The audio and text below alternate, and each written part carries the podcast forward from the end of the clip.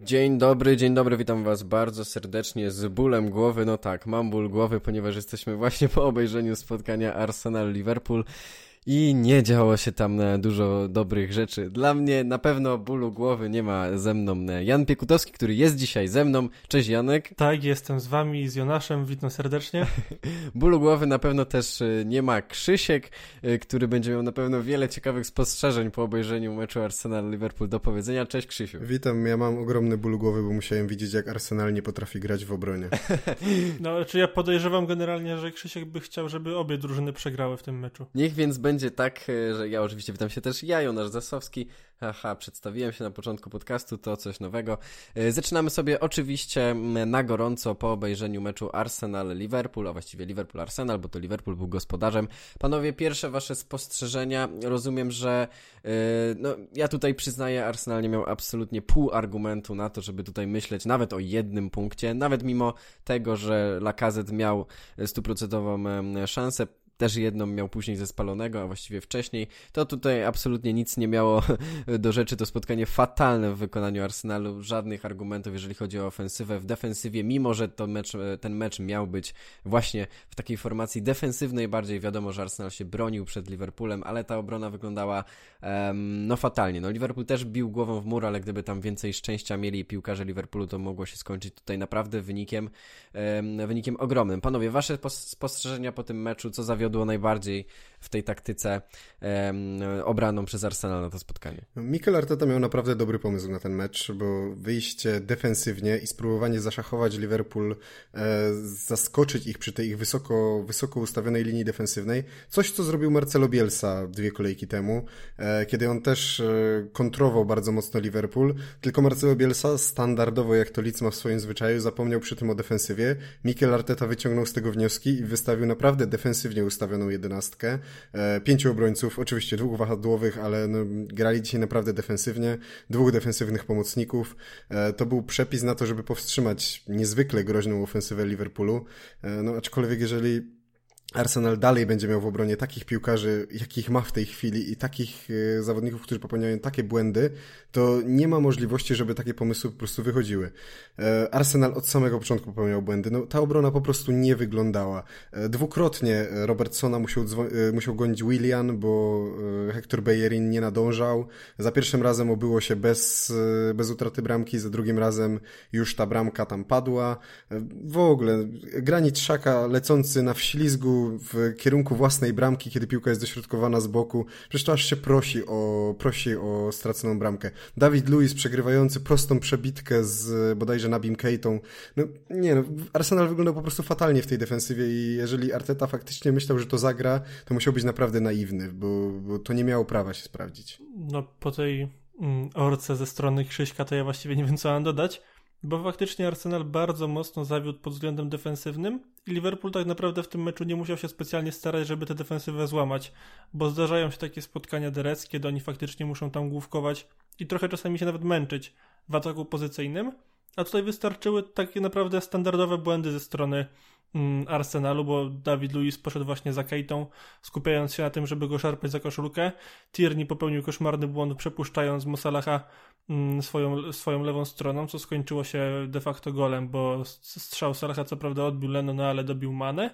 No i potem jeszcze y, Robertson, który mm, katuje Arsenal. Tak samo gol Diogo Rzoty to też jest pewien kamyczek do ogródka defensywy Arsenalu, bo Portugalczyk miał naprawdę bardzo dużo miejsca, żeby tę piłkę przyjąć spokojnie i uderzyć. Co prawda to nie było jakieś uderzenie bardzo y, czyste w wykonaniu nowego zawodnika Liverpoolu, aczkolwiek na tyle skuteczne, że Mm, padła trzecia bramka.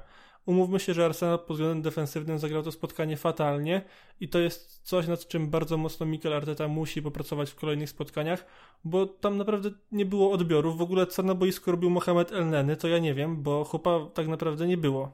Umówmy się, że Egipcjanin przez cały mecz miał może z pięć kontaktów z piłką, i to niekoniecznie wszystkie były jakieś takie mm, specjalnie przemyślane i do przodu, tylko raczej rozegranie do tyłu. Podejrzewam, że jakieś zero, zero odbiorów się mogło zakręcić w jego statystykach. Mm, Czaka zagrał całkiem przyzwoicie w porównaniu do Elnenego i wielu zawodników Arsenalu nie zagrało na swoim poziomie, a ci, którzy zwykle zawodzą, to po prostu zawiedli. No i ta taktyka obrana przez RTT nie mogła się sprawdzić, biorąc pod uwagę to, jakich on ma wykonawców. Ja może tak wytłumaczę moje rozgoryczenie grą Arsenalu. Ja po prostu jak zobaczyłem, jak oni są ustawieni jak wyszli na to spotkanie, miałem po prostu nadzieję, że oni zrobią to, co chciał zrobić Leeds. To był niezły pomysł i tak da się zaszachować Liverpool, ale zrobią to bardziej przemyślanie. Nie będzie to tego typu wesoły futbol, jak właśnie w przypadku e, zawodników Marcelo Bielsy, tylko faktycznie Mikel Arteta to przemyślał i okej, okay, on to przemyślał, ale miał, miał takich wykonawców, że to się po prostu nie udało. Jeżeli Arsenal nie wyeliminuje ze swojej drużyny zawodników, zawodników, którzy popełniają takie rażące błędy, to niestety ten klub nie zrobi kroku do przodu. Dlatego właśnie no, projekt Mikela Artety, projekt Arsenal to nie jest kwestia tygodnia, miesięcy, nawet roku, to jest naprawdę duża przebudowa musi się odbyć w tym klubie, żeby, żeby on wyszedł na, na, na taki poziom, jakiego od niego byśmy oczekiwali. Bo zobaczymy na analogiczną sytuację po drugiej stronie bramce, po drugiej stronie.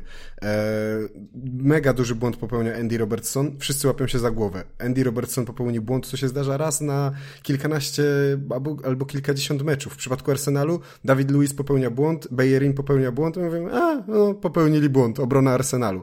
I to jest właśnie ten, to, ta różnica, która dzieli Arsenal od topowych klubów, która dzieli też in, kilka innych pretendentów do tego, żeby być topowym klubem w Anglii.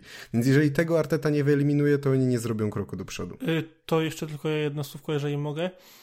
Nie wiem o co chodziło Arsenalowi w tym meczu, jeżeli chodzi o rozgrywanie piłki od bramki bo umówmy się, że to było podanie do Dawida Luiza, Dawid Luiz do Leno i on jak najdalej kopał tą piłką. To w ogóle nie miało sensu i ja nie wiem, czy to było założenie Mikela Artety, żeby tak to wyglądało, yy, czy to był jakiś, nie wiem, innowacyjny flashbacki pomysł. z Unaja Emerego. No do, dokła- dokładnie tak. I to rozgrywanie bardzo często się mściło na Arsenalu.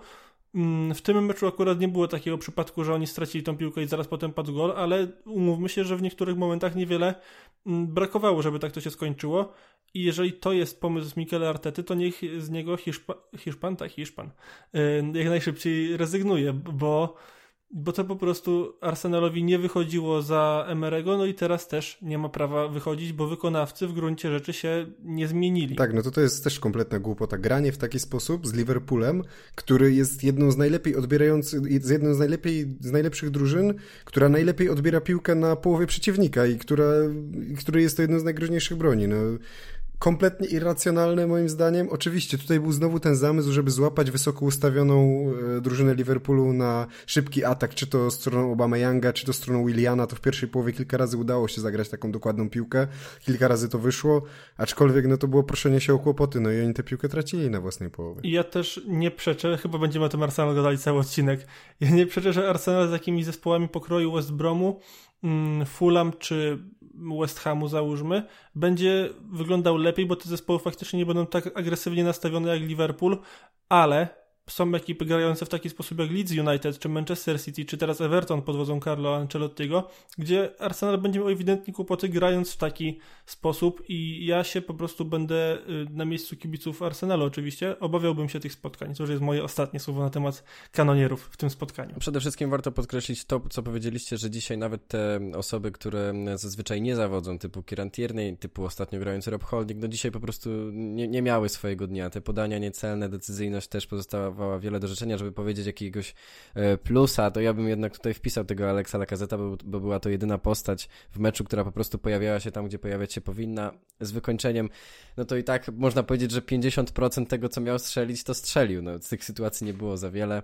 Um, I też um, ta, o te, to, co mówiłeś o tej taktyce, faktycznie ta objęta formacja defensywna, no też nie spełniała swojej roli. Skrzydło, w tej formacji 3-4-3 Arteta zazwyczaj ma taki zamysł, że jednak te akcje akcje przeprowadzane są właśnie przez skrzydłowych, tam jest dużo podań prostopadłych. Brakowało dzisiaj na boisku moim zdaniem takiego Bukayo Saki, Pierre-Emerick Aubameyang również na tej e, pozycji skrzydłowej. Absolutnie dzisiaj się po prostu, ja go po prostu na tym boisku dzisiaj nie widziałem, on powinien zdecydowanie grać na szpicy. Kto wie, czy gdyby Aubameyang nie był na miejscu Lacazeta, to, te, e, to, to te po prostu, te, ten gol mógłby być, na, mógł paść na 2-2. Ale i tak wydaje mi się, że to niewiele by zmieniło. Jeżeli jeszcze panowie macie coś do dodania, to proszę i szybko przechodzimy do, do innych tematów. No ja bym z tym chwaleniem Lakazeta nie przesadzał, bo ten strzał był tak fatalny, że ja nie wiem, jakim cudem to wpadło do tej bramki i gdyby Alison miał troszeczkę więcej szczęścia, to on by jeszcze, mimo tego, że tam był rykoszet, którego on nie, miał, nie mógł przewidzieć, to jeszcze, jeszcze by wybronił to uderzenie, także no to w ogóle... Alison to... Jeszcze by to wyciągnął. Tak, tak, Właśnie. tak. tak. Ale już tak tak naprawdę szukanie na siłę czegoś pozytywnego, żeby powiedzieć, bo mecz był po prostu dramatyczny i pod tym e, podpisuję się również e, ja swoim imieniem i nazwiskiem jak najbardziej. Panowie, ta trzecia bramka jeszcze dla Liverpoolu mnie tutaj zainteresowała bardzo. To będzie temat em, też dosyć duży, któremu chciałbym, żebyśmy poświęcili nieco więcej czasu, czyli warto rozmawiać. Chodzi o ten war i o te e, ręce nieszczęsne. Takie trzy sytuacje w tej kolejce były, które chciałem właśnie z wami omówić. Zaczynając od tej e, ostatniej sytuacji, za dużo pewnie nie oglądaliśmy, bo tyle co realizator pokazał powtórkę i tyle co mogliśmy oglądać to na żywo, ta rzekoma ręka Diogo Rzoty. Również była ręka Erika Dajera w meczu Tottenhamu. Tam oczywiście odgwizdano Jose Mourinho, aż e, wyszedł ze stadionu zdenerwowany. Także ręka Maupaja to trochę inna sytuacja. E, także myślę, że o tej sytuacji z meczu Manchesteru pogadamy sobie za chwilę. E, chciałbym poznać waszą opinię na temat tych rąk. Co wy sądzicie? Czy rzeczywiście sędziowie powinni gwizdać absolutnie wszystko? Skoro tak, dlaczego nie gwiznęli e, Diogo Rzoty? Czy jednak tutaj powinno się popracować nad zasadami? No i tutaj napotykałem pewne problemy tak naprawdę, bo chyba nikt na świecie nie wie, jakie dokładnie są teraz przepisy dotyczące zagrania ręką w Anglii i nie wiedzą nawet tego sami sędziowie, bo ja tutaj mogę jasno potwierdzić, że zgodnie z tym, co ja czytałem w ostatnich przepisach i w zmianach jakie zaszły w tym sezonie, to gol Diogo Rzoty nie powinien zostać uznany, no bo to jednak było zagranie piłki ręką w ofensywie bezpośrednio prowadzące do zdobycia gola, bo to Diogo Rzoto przyjmował tą piłkę, to jemu się odbiło od ręki i to on tą akcję wykończył, więc no gol Portugalczyka uznany zostać nie powinien, natomiast w wypadku Erika Dajera uważam, że sędzia też podjął złą decyzję, no bo Anglik był tak naprawdę bezradny w tej sytuacji, skakał do główki, on był odwrócony y, w stosunku piłki uderzonej przez Andiego Carola, i ta, tak naprawdę ręce miał y, ułożone dość szeroko, ale mnie się wydaje, że to było jak najbardziej naturalne z jego strony i ja bym takiego karnego po prostu nie gwiznął, więc to są dwie decyzje, w wypadku których zgodzić się po prostu z arbitrami nie mogę i uważam, że to są decyzje krzywdzące dla Tottenhamu pewnie no, znacznie mocniej, bo oni stracili aż dwa punkty w konsekwencji tego. Arsenal pewnie straty by nie odrobił, no ale też to pewnie ich morale jeszcze mocniej obniżyło. No ta sytuacja Diego Rzoty jeszcze bardziej e, postawiła pod znakiem zapytania to, kiedy gwizdamy rękę w meczach Premier League. E, aczkolwiek no, to zapoczątkowało dyskusję, która wraca od lat. Najpierw była to ta dyskusja, że jak tu interpretować, czy zawodnik chciał zagrać piłkę, czy nie chciał. E, eksperci domagali się, tutaj Gary Lineker jest świetnym przykładem, który kilka lat temu pisał, że każda ręka powinna być egzekwowana jako przewinienie, a teraz nawołuje do tego, żeby oddać kibicom naszą grę, która, która nie jest zniszczona przez gwizdanie iluzorycznych rąk, tak jak w tej chwili, więc tutaj konsekwencja jest bardzo mocno niezachowana.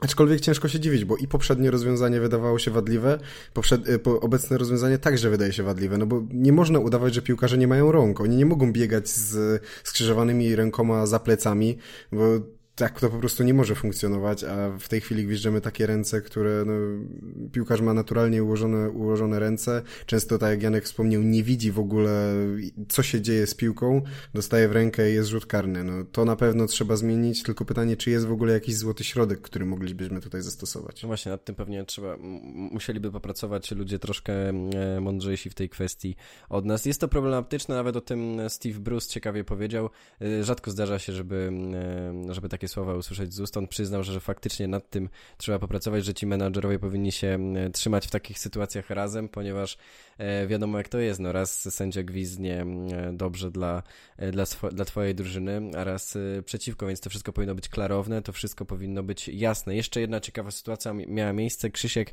jak ty się czułeś, gdy mecz został, mecz Manchesteru został skończony, a potem jeszcze wznowiono spotkanie, Bruno Fernandes z rzutu karnego, można powiedzieć tak tak śmiano się trochę w mediach społecznościowych, że typowy Manchester United. Mecz się skończył, a tu jeszcze rzut karny, jeszcze Bruno Fernandes go e, wykonywał. No, jak się później okazało, e, wszystko było ch chyba słusznie. E, czułem się po prostu jak kibic Manchester United. Jak mogłem się czuć inaczej, kiedy e, oszukiwaliśmy całą ligę?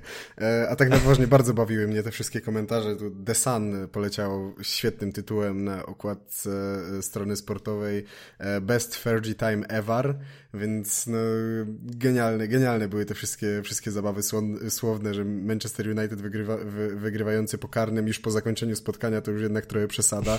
E, jestem fanem, więc e, super, no ale wszystko było zgodne z przepisami, no była ręka jeszcze w czasie meczu, sędzia zakończył, zakończył spotkanie, no ale w świetle przepisów musiał do tego, do tego zagrania wrócić, także tutaj moim zdaniem nie ma żadnych wątpliwości, no Manchester United zasłużenie wygrał ten mecz, jeżeli bierzemy pod uwagę tylko tę ostatnią sytuację, bo jeżeli bierzemy pod uwagę grę, no to Brighton było drużyną o niebo lepszą w tym meczu. Właśnie i o ten mecz chciałem e, chwilkę przy nim jeszcze e, pozostać. Brighton-Manchester United, dużo pecha Brighton, bodajże pięć razy obijali e, obramowanie bramki Manchesteru. O, o, dużym szczęściu może mówić Manchester. Jak wy to spotkanie, panowie, widzieliście? Jaka jest wasza opinia? Co będzie dalej z Manchesterem? No i co z tym Brighton w końcu? Bo oni tak będą grali ładnie. My ich tak zauważyłem, że co odcinek chwalimy to Brighton no i cały czas jednak tych punktów ich brakuje, bodajże w tej chwili, jeśli się nie mylę, mają trzy punkty na koncie. No tak, to są całe trzy punkty, więc nie jest tak źle. Trzy punkty w trzech meczach, to taka średnia daje 38 punktów na koniec sezonu, szybko wyliczyłem, więc umówmy się, że Brighton by się mogło utrzymać, ale pewnie nie na tym generalnie zależy. Y, bardzo mi było szkoda tego zespołu w, w tym meczu, bo faktycznie mieli dużo pecha i bardzo dobrze wykorzystywali mankament y, całego Manchesteru United, czyli zostawianie notorycznie odkrytego długiego, y, drugi, tak, tego długiego słupka, y, patrząc ze strony zawodnika, który dośrodkowywał. I to była strona najczęściej Arona Wambisaki. Nie wiem, co się działo z tym zawodnikiem w tym meczu, ale on bardzo często schodził do, do środka obrony jakby i zostawiał tam sporą lukę, którą Brighton starało się wykorzystywać, bo Soli March nie miał tylko jednej okazji, po której padł gol, ale też kilka innych bardzo dobrych. Tak samo Neil Mopé miał szansę, żeby mm, dać wyższe prowadzenie Brighton. To się nie działo, Brighton faktycznie miało pecha, bo były słupki, poprzeczki. Y, generalnie w tym meczu chyba mieli ich właśnie 5, a w całym poprzednim sezonie 4, więc y, naprawdę godna podziwu Mm, była ich nieskuteczność, bo tak to trzeba określić. No a Manchester United miał masę farta, aczkolwiek ten karny, tak jak powiedział Krzysiek, był w pełni zasłużony. I mimo, że wielu zawodników United zagrało słabe spotkanie, bo na przykład Bruno Fernandes, ok, miał gola i asystę, ale to nie był dobry mecz w jego wykonaniu. Paul Pogba zagrał wręcz żenująco. Mm, Martial był również bardzo, bardzo słaby, wręcz cieniem samego siebie.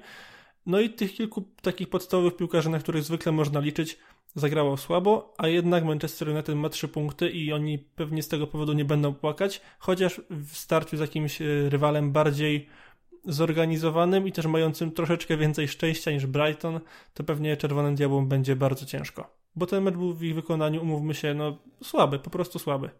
Z ekipami takimi jak Brighton często jest tak, że oni po prostu przegrywają te mecze z drużynami, które nie do końca potrafią grać w piłkę. E, tak było ze Stoke City, tak było z West Bromem i teraz tak samo jak z Manchesterem United, e, bo Czerwone Diabły w tym meczu pokazały kompletnie, że nie potrafią grać w piłkę i przynajmniej na tym etapie swojej, swojego sezonu nie są w stanie rozegrać e, kompetytywnego i dobrego spotkania. E, więc e, no, nie dziwiło, że Brighton był po prostu drużyną lepszą i dużo, dużo pracy przed Ole Gunnarem Solskierem. To, co powiedziałeś o Aaronie Wan-Bissace, to nie jest pierwszy jego tego typu mecz, w którym on e, zostawia tą swoją stronę i ta właśnie tą stroną idzie największe zagrożenie, więc no, grę prawego obrońcy United po prostu musimy śledzić w następnych dniach, w następnych meczach, bo jest tam dużo do poprawy. Mm, on miał dobry ten poprzedni sezon, aczkolwiek zdarzały się błędy i teraz te błędy też są, więc jest tutaj dużo pracy do do wykonania.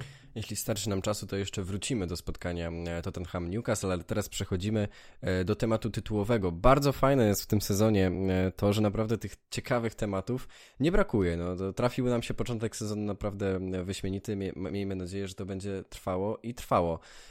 Janek, jakbyś mógł powiedzieć, bo wiem, że Ciebie ten temat zainteresował ostatnimi czasy bardzo szczególnie. Ile wydał Pep Guardiola na swoich obrońców i dlaczego wciąż cały czas nie może sobie wychować tak dobrego obrońcy, jakim przykładowo był e, dla Manchester City e, Vincent Kompany. Dlaczego wszystkie inwestycje e, są albo nietrafione, albo zawodnik może i dojeżdża na ten poziom, którego się od niego oczekuje, ale no, przykładowo kontuzje wyłączają go z gry. O co tutaj chodzi? Jak byś mógł wytłumaczyć? To, to, jest bardzo trudne pytanie tak naprawdę, bo ja nie jestem w stanie chyba wytłumaczyć, dlaczego Manchester City kupuje takich, a nie innych piłkarzy, bo poza e, Laporte to tak naprawdę ciężko mi jest wymienić zawodnika z defensywy, którego sprowadził Pep Guardiola, a tych milionów wydał ponad 250. Tutaj jest odpowiedź na twoje pierwsze pytanie. E, no to poza Francuzem, kurde, ciężko mi jest znaleźć zawodnika, który faktycznie mógłbym powiedzieć, o którym faktycznie mógłbym powiedzieć, że no słuchajcie, to jest piłkarz, który faktycznie spełnia się w 100% w Manchesterze City i warto było na niego wydać 7, 70 milionów. A tutaj tak nie jest, bo masz yy, Walkera, masz Stonesa, masz Mendiego. Oni łącznie kosztowali, z tego co ja pamiętam, ponad 150 milionów, a to jest naprawdę potężna kasa. A oni grają albo bardzo słabo, albo fatalnie, albo co najwyżej średnio, czasami Walkerowi zdarzały się takie niezłe mecze, natomiast Stones i Mendy to poza początkami w Manchesterze City kaszanka totalna. Nie wiem, czemu Pep Guardiola ściąga akurat takich piłkarzy, tym bardziej, że oni nie zbierali jakichś rewelacyjnych recenzji wcześniej. John Stones miał być zawodnikiem, który mógł się rozwinąć, przy właśnie przy Katalończyku, y, który mógł się stać jeszcze lepszym obrońcą niż był w Evertonie. To nie wyszło, ok, zaryzykowali. Natomiast Benjamin Mendy, on nie miał super y, ocen, jeżeli chodzi o grę obronną i to było widać od początku jego pobytu w Manchesterze. On miał zastąpić Gaela Clichy'ego, co zupełnie nie wyszło, bo Clichy był przynajmniej mm, w tym swoim prime oczywiście, bardzo solidnym lewym obrońcą, a Mendy jest słaby, będę to powtarzał do, do końca i do znużenia, póki ten piłkarz z Anglii chyba nie wyjedzie. E, bo nie wiem, czy się znajdzie na niego chętny po prostu za jakąś kwotę, którą Manchester City chciałby za niego otrzymać. Ale wracając do tego, co mówisz, to no, nie jestem też przekonany co do transferu Rubena Diasza teraz. Zobaczymy, jak to wyjdzie. Wielu, wielu, mm, wiele osób, z którymi rozmawiam na temat y, portugalskiego obrońcy, chwali go bardzo mocno i mówi, że to jest taka odpowiedź Manchesteru City na Virgila van Dijk'a. Ja mówię spokojnie, niczym Zbigniew Boniek, poczekajmy. E, jestem bardzo ciekaw, co z tego wyjdzie ale póki co te decyzje Pepa na rynku transferowym, jeżeli chodzi o obrońców, to jest na minus, znaczny minus i ja myślę, że mm, czas na weryfikację przyjdzie prędzej, niż żeśmy się tego spodziewali. Chciałem jeszcze zapytać o Natana Ake, bo to jest obrońca, którego jeszcze aż tak, y, no nie, jest za wcześnie, żeby go oceniać um, tak za szczególnie, ale może kiedy do klubu przybędzie już Ruben Diaz, ta dwójka stoperów um, pod nieobecność Laporta, um, może, może jakoś twoim zdaniem e, wyglądać? Nathan Ake to jest transfer, który z jednej strony się broni, a który z drugiej mnie nie przekonuje, bo Holender tak naprawdę rozwiązuje ewentualnie problem y, Manchesteru City na lewej obronie, bo umówmy się, że on tam może grać i pewnie byłby lepszy niż pewien Francuz, o którym już się wcześniej wypowiedziałem. Aczkolwiek to nadal nie jest piłkarz, przynajmniej w mojej opinii, ale już na pewno nie w tym momencie, y, na poziomie Manchesteru City. Więc on nie rozwiązuje na pewno wszystkich problemów, jest środkiem takim zastępczym, ale to nadal nie jest piłkarz, na którym można zwojować Europę, a o to przecież Pepowi będzie w tym sezonie głównie chodziło. Krzysiu, do ciebie e, spytamy o, o Leicester, o rywala Manchesteru City, który no tak, z jednej strony zdeklasował, bo, bo przecież wygrali to spotkanie aż 5 do 2. Ale z drugiej strony, czy zgodzisz się ze mną, że jednak Leicester tego spotkania wcale nie zagrało jakoś e, wyśmie wyśmienicie? E, no to trzy gole to, to, to są rzuty karne, swoją drogą rekord, jeżeli chodzi o, e, o, o zdobyte rzuty kar o zdobyte gole z rzutów karnych w jednym spotkaniu ligowym w Premier League. No i przede wszystkim ten mecz to, to bazowanie na, na kontrakt. Szybki Harvey Barnes, szybki Jamie Vardy. Dwa pytania właśnie. Pierwsze, czy zgodzisz się, że, że ten mecz wcale tak kolorowo dla Leicester nie wyglądał? I druga rzecz, czy Jamie Vardy kiedyś przestanie strzelać gole w Premier League. Absolutnie się z tobą nie zgodzę, bo Leicester City zagrało to spotkanie po prostu bardzo mądrze i zrobiło to, czego ja od Brendana Rodgersa oczekiwałem w końcówce zeszłego sezonu, kiedy ten na siłę starał się trzymać swojej filozofii, a nie grał meczów tak, żeby je wygrać. To spotkanie Lisy zagrały dokładnie tak, żeby je wygrać. Zaczęli cofnięci z tyłu, zaczęli się bronić, na Twitterze nawet pojawiały się wpisy, że grają jak drużyna z, walcząca o utrzymanie, a nie o to przejść. Drużyna, która przyszła, przyjechała się tylko bronić, a jednak oni wytrzymali ten napór Manchesteru City. Okej, okay, stracili jedną bramkę, e, aczkolwiek no, trzeba, trzeba jasno stwierdzić, że ten późniejszy napór The Citizens, który miał ich dobić, wytrzymali i sami zdołali ukuć. Kiedy już e, pograli z tej kontry, otworzył się worek z bramkami i później mogli grać jak najbardziej swobodnie. Pomogli w tym oczywiście szybcy Barnes i Wardy, Kastań również. No, Wardy, no geniusz, po prostu geniusz. To jak on wchodzi przed tych obrońców, to za każdym razem wygląda identycznie. Ja nie jestem w stanie stwierdzić, jak wszyscy obrońcy w lidze się na to łapią, bo e, idzie prostopadła piłka, Jamie Wardy doskakuje do niej trochę wcześniej i wchodzi przed, e, przed obrońcę i jest sfaulowany. To jest e proste jak drut po prostu. Mm, podobna sytuacja była w tym meczu Manchester United. Tam Aaron Connolly był e, bodajże przez Pola Pogbę faulowany w ten sposób. E, jednak w jego przypadku wyglądało to po prostu nienaturalnie. On e, biegł z piłką i zrobił dwa kroki w bok od tej piłki typowo, żeby wskoczyć właśnie przed Pola Pogbę i dać mu się teoretycznie sfaulować. A Wardy robi to tak znakomicie, że tam w ogóle nie widać jego intencji, chociaż oczywiście ta intencja jest. No, wykonanie rzutów karnych przez Anglika rewelacyjne. No, tak pewnych karnych rzadko się ogląda tak pewne karne w, w piłce nożnej. Warto zauważyć, że Ederson dwa razy wyczuł, dwa razy poleciał dokładnie tam, gdzie strzelał Wardy, ale te uderzenia były tak dobrze, tak dobrze, strzela, tak dobrze wykonane, że no, Brazylijczyk nie miał, co, nie miał nic do powiedzenia w tych sytuacjach. Leicester zagrał świetnie, w końcówce wszedł jeszcze Maders i pokazał, ile on też może dać e, tej drużynie, kiedy będzie już zdrowy i kiedy wróci do formy. No, uderzenie po prostu rewelacyjne, więc e, Leicester ma naprawdę dużo do zaoferowania. E, Leicester wydaje się, że w końcu wyciąga wnioski z tych meczów, które nie udawały się w zeszłym sezonie i z tych meczów, które po prostu przegrywali grając swoją piłkę i myślę, że oni mogą znowu namieszać w tym sezonie. No mają trzy zwycięstwa w trzech meczach. To jest e, genialny początek sezonu. No mnie tak samo bardzo mocno Leicester zaimponowało. Faktycznie bardzo rozsądny mecz ze strony Brandana Rogersa, bo kiedy Manchester City miał tak jakby tą pełną swoją siłę skupioną na boisku, to Leicester się głównie broniło, ale w momencie, kiedy to Fernandinho został zdjęty z boiska i zastąpił go młody Delap, bo jeszcze tak będziemy pewnie mówić o Liamie przez pewien czas, to Brendan ewidentnie dał swoim zawodnikom sygnał do ataku i to było widać.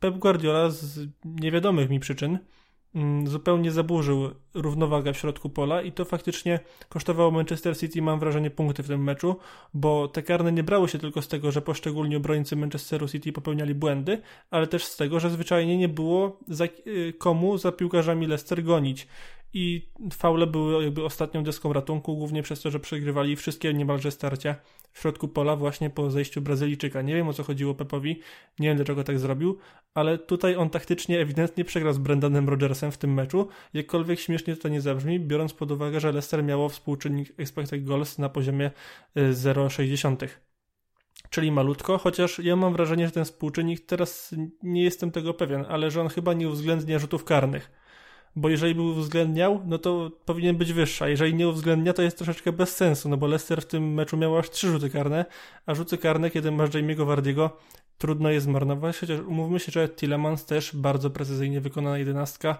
i w ogóle cały Leicester zagrało taki bardzo przyjemny dla oka mecz i oni faktycznie znowu mogą namieszać, a już na pewno będą drużyną bardziej dojrzałą, co właśnie pokazało spotkanie z The Citizens. Ja się tak zastanawiałem po cichu, jak mówiłem o Wardim, jak on zdobył tą trzecią bramkę, tą jedyną z gry, a przecież ten, ten krzyżak nad Edersonem to no, po prostu mistrzostwo świata. E, a kończąc wątek tego spotkania dodam tylko, że jestem bardzo zawiedziony Liamem Delapem, bo miałem nadzieję, że będzie jednak wyrzucał auty na 40 metrów, a to nie miało miejsca. On w ogóle do ojca nie jest podobny. Yy, tak, czyli powiedzmy, że taka właśnie chyba jest taktyka na te, duże, na te duże duże drużyny, na te Manchester City i Liverpool. Tak dzisiaj powinien właśnie zagrać Arsenal, no bo przecież e, Leicester w tym spotkaniu miało 30% posiadania piłki, jedynie 7 sytuacji bramkowych, czyli po prostu e, grunt to wytrzymać na wałnicę i po prostu być do bólu skutecznym. To pokazało Leicester, tego nie pokazał e, Arsenal. O skuteczności e, też e, chciałem z wami e, porozmawiać, czyli przechodzimy do kolejnej wielkiej no możemy tak to nazwać, no wielkiej sensacji. West Ham, Wolverhampton. Panowie, no kto by się spodziewał, że West Ham wygra to spotkanie i w ogóle kto by się spodziewał, że West Ham aż tak zdeklasuje swoich rywali. Wolverhampton w mojej opinii absolutnie nie wyszło w tym meczu yy, na boisko. Nic nie wychodziło im tego dnia.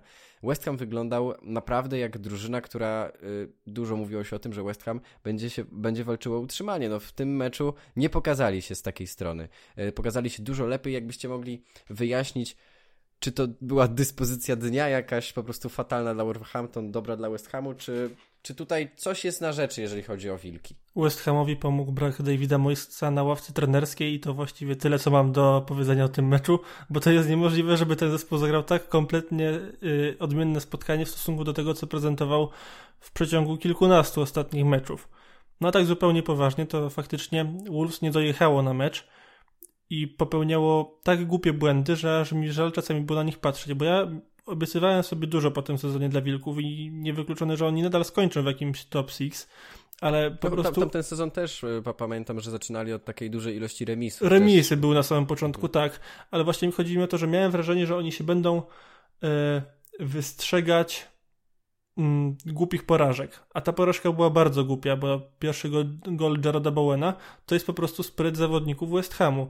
Oni świetnie wykorzystali sytuację, że można było zagrać piłkę bez gwizdka sędziego. Mm, potem po prostu Bowen pobiegł i pokonał Ruyego Patricio, który w ogóle uchronił e, Wolves przed kompromitacją w tym meczu, bo gdyby nie Portugalczyk, to tam mogłoby być mm, z 9 do 0. W ogóle mówienie o Wolves, gdyby nie Portugalczyk, to można powiedzieć tak o 9 zawodnikach, którzy wybiegli na, mm, przeciwko West Hamowi, więc no trzeba bardziej doprecyzować. Aczkolwiek już tak generalizując to spotkanie, West Ham mi się naprawdę podobał, bo to też było odpowiedzialne y, bronienie, co też jest pewnym nowum, jeżeli chodzi o ten zespół. I jest to nowum naprawdę duże, bo oni zneutralizowali zupełnie Dame Traore, który zagrał fatalny mecz.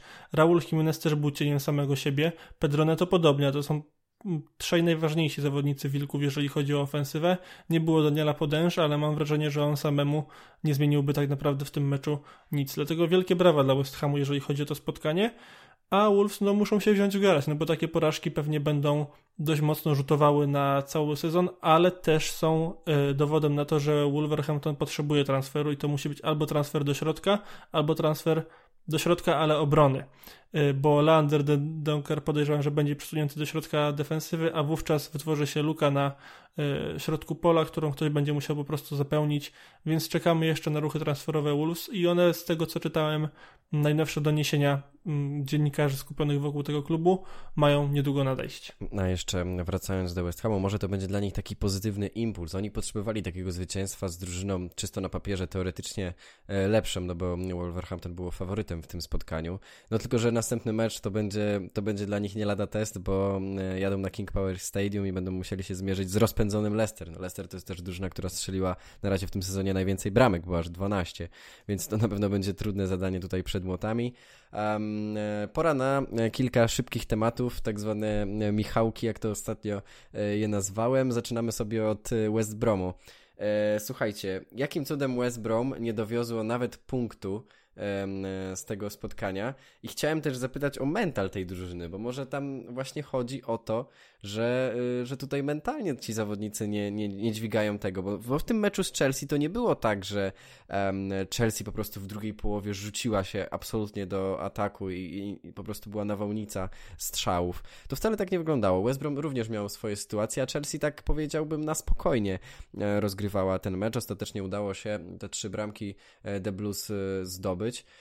O co chodzi w tym West Bromie? West Brom się przepra- przestraszył, przepraszam, swojego prowadzenia i to było widać w momencie, w którym oni strzelili trzecią bramkę, że już naprawdę nie wiedzieli, co mają robić i sam Slaven Bilic też nie wiedział, co ma zrobić, bo w końcu gola strzelił Kyle Bartley, a umówmy się, że to nie jest najczęstszy widok. W dodatku był to gol dający jego zespołowi prowadzenie 3 do 0 nad Chelsea, nie nad Fulham, czy nawet nad Leeds, nad West Hamem, czy nad jakimś takim zespołem, który podejrzewamy, że będzie zaangażowany w walkę o utrzymanie, tylko nad Chelsea, która się miała bić o europejskie puchary.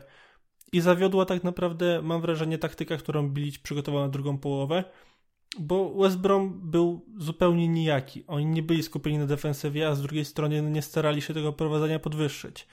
I to się po prostu zemściło, a Chelsea, która też jakoś nie nacierała szalenie mocno, miała trochę szczęścia i miała też zawodników, którzy po prostu byli w stanie zagwarantować w kluczowych momentach więcej niż defensywni zawodnicy West Bromu. Mason Mount miał zupełną przestrzeń, wykorzystał to, pod pierwszy gol i on dał taki impuls do ataku dla, dla Chelsea. Ten gol na 3 do 3 też trochę pechowy, biorąc pod uwagę to, jak świetnie zareagował Johnston w, przy pierwszym strzale i jak dobrze odbił piłkę, no ale ona trafiła tak naprawdę w nogę tam jego Abrahama.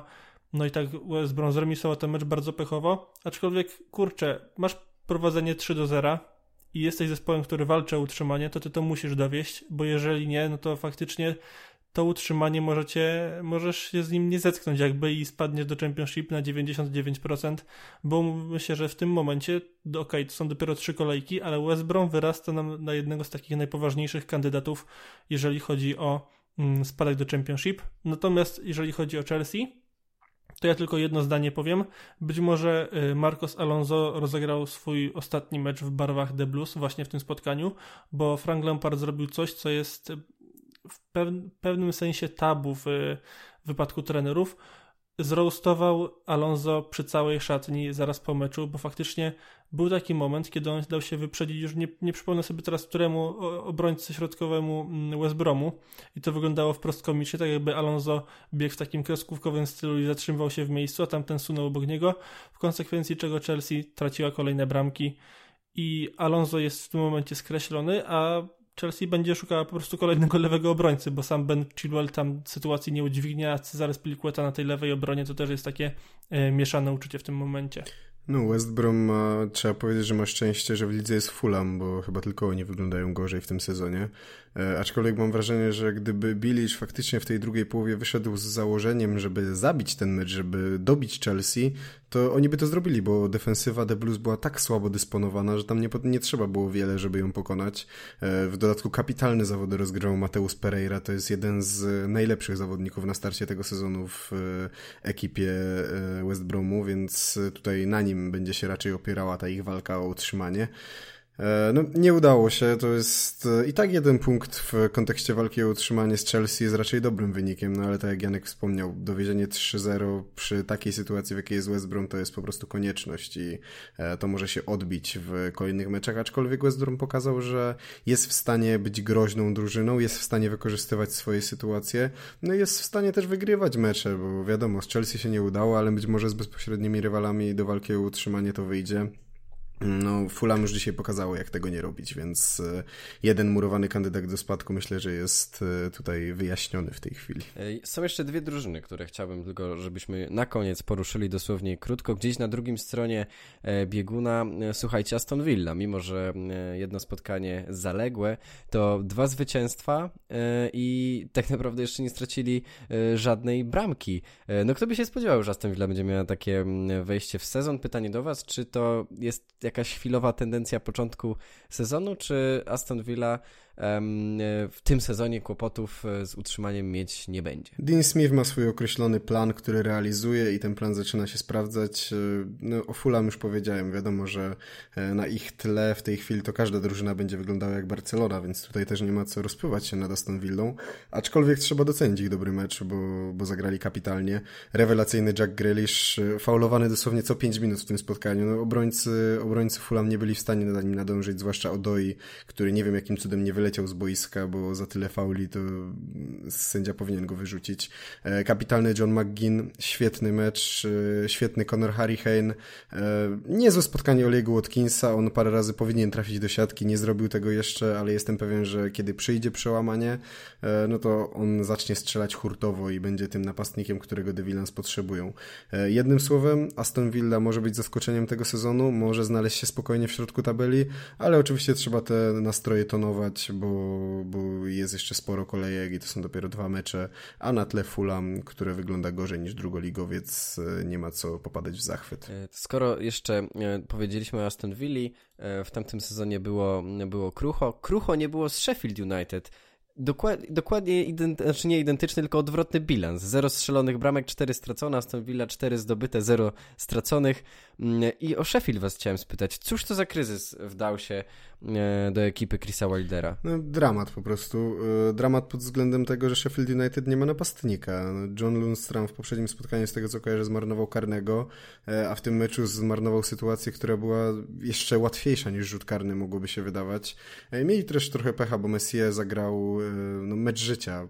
W końcu udowodnił, że jest w stanie... Ale on ma 12 lat, to tych meczów życia za bardzo nie miał, no, tak, to, to życie było dosyć dosyć krótkie jeszcze w jego wypadku, że dwunastolatek broniący w taki sposób w meczach Premier League to jest niesamowita sprawa, ale e, tak całkowicie na poważnie on pokazał, że może być podstawowym bramkarzem Leeds e, i może bronić e, na takim poziomie, żeby pomóc Leeds w utrzymaniu w Premier League, co poddawałem dużym wątpliwościom już niejednokrotnie tutaj na, na naszym kanale. Mm, aczkolwiek no, Sheffield nie zagrało źle. Sheffield y, kilka razy stworzyło sobie dogodne sytuacje, wykorzystując y, rzecz jasna braki w obronie zespołu Leeds United. E, no aczkolwiek tam jest potrzebny po prostu klasowy napastnik, który będzie tę sytuację wykańczał, bo e, w tej chwili tego napastnika nie ma i ani Billy Sharp, e, ani Oliver Berg, ani Oli McBurney, czy też David McGoldrick, który grał w tym spotkaniu, nie będą w stanie dostarczyć dostarczyć e, Chrisowi Wilderowi tylu bramek, ilu by oczekiwał. Dobrze, panowie, no dobrnęliśmy do samego końca, więc y, jeszcze oczywiście muszę was zapytać, czy Carlo w tym sezonie wygra ligę? No, Krzysiek, podtrzymujesz zdanie z poprzedniego y, odcinka, że tak? Ja wtedy powiedziałem, że Dominik Calvert-Lewin zostanie królem strzelców i to zdanie podtrzymuję, bo on dołożył swoją piątą bramkę w tym sezonie, e, więc e, tutaj podtrzymuję, że to będzie kandydat do korony króla strzelców. Janek, jak ty ten Everton widzisz? No z zamiedzy dosłownie y, rośnie tutaj naprawdę du duży rywal i kandydat do, do włączenia się do tej walki w końcu gdzieś o wyższe cele. No kibice Evertonu nareszcie będą mieli się z czego cieszyć. No jak Everton ma grać w taką piłkę, to oni do tych pucharów spokojnie awansują, bo w tym momencie są bardziej atrakcyjni, po prostu lepsi niż mm, ci teoretycznie na papierze od nich e, lepsi rywale, więc czemu, czemu by to z nimi mieli walczyć nawet o mistrzostwo? Oczywiście nie życzę im tego, żeby wygrali, E, szanujmy się. Tak samo nie życzę Calvertowi Luinowi, żeby wygrał koronę Króla Strzelców, bo byłaby to podejrzewam najbardziej przypadkowa korona Króla Strzelców, od kiedy wymyślono w ogóle Patrick taką Bamford nagrodę. jeszcze ma spore szanse w tym sezonie. Boże, prze, przestańmy. Jeżeli Patrick Bamford do końca sezonu walczyłby o to, o to trofeum z Calvertem Luinem, to ja wysiadam po prostu z tej kolejki, bo to by był chyba najdziwniejszy sezon, w jakim brałem udział. Ja cały czas y, myślę, że ja żyję w jakiejś alternatywnej rzeczywistości, że Patrick Bamford strzela bramki w Premier League. To jest dla mnie niepojęte i ja nie będę w stanie się z tym chyba nigdy pogodzić i nawet jak on strzeli 20 bramek w tym sezonie, to ja będę wciąż zaskoczony. E, ale no z tym, że mówisz, że korona dla Dominika Calverta-Luina byłaby najbardziej przypadkową w historii ligi, to moim zdaniem mocno przesadzasz, bo to jest klasowy napastnik wciąż nowy, wciąż młody, no, tak, no. który, który może tutaj naprawdę w tej lidze postrzelać e, kupę bramek, zwłaszcza jeżeli będzie grał w taki sposób, w jaki gra teraz. Nie, no jasne, że ja ironizuję, ale Calvert-Lewin jest naprawdę wręcz identyczny, jeżeli chodzi o wykańczanie akcji w stylu Pipo Inzagiego, więc no, a Włoch, z tego co pamiętam, sięgnął po koronę Króla Strzelców Serie A, więc dlaczego Anglii mimo tego u siebie nie zrobić? Zobaczymy, jak to się będzie dalej rozwijało, aczkolwiek są pewne cechy, które łączą Calverta i Bamforda, to jest trafianie przez swoich kolegów zespołu w głowę, po czym padają bramki, więc no będzie dobrze. Pamiętaj, że zawsze trzeba się umieć znaleźć, znaleźć tam, gdzie potrzeba. To jest ten zmysł napastnika, więc to niech przyświeca i Calvertowi Luinowi i Bamfortowi. Panowie, bardzo serdecznie dziękuję wam e, za rozmowę. Ze mną był Krzysiek Bielecki. Dziękuję bardzo. Był ze mną także Jan Piekutowski. Ja również dziękuję. Zapraszamy was e, na kolejne materiały na naszych e, kanałach w tym tygodniu. Już została wrzucona jedenastka, jeżeli chodzi o transfery najlepsze, tylko że oczywiście omówiliśmy te transfery jeszcze przed zamknięciem okienka, tak, to prawda, przed rozpoczęciem sezonu, ale myślę, że ta jedenastka transferów bardzo e, fajnie również wyszła. Jeszcze w tym tygodniu również oczywiście Fantazy Premier League od chłopaków, także jeżeli chcecie powyprzedzać swoich wszystkich znajomych, to oczywiście e, radzimy przesłuchać tego materiału. W tym momencie nie pozostało mi nic innego jak powiedzieć do usłyszenia.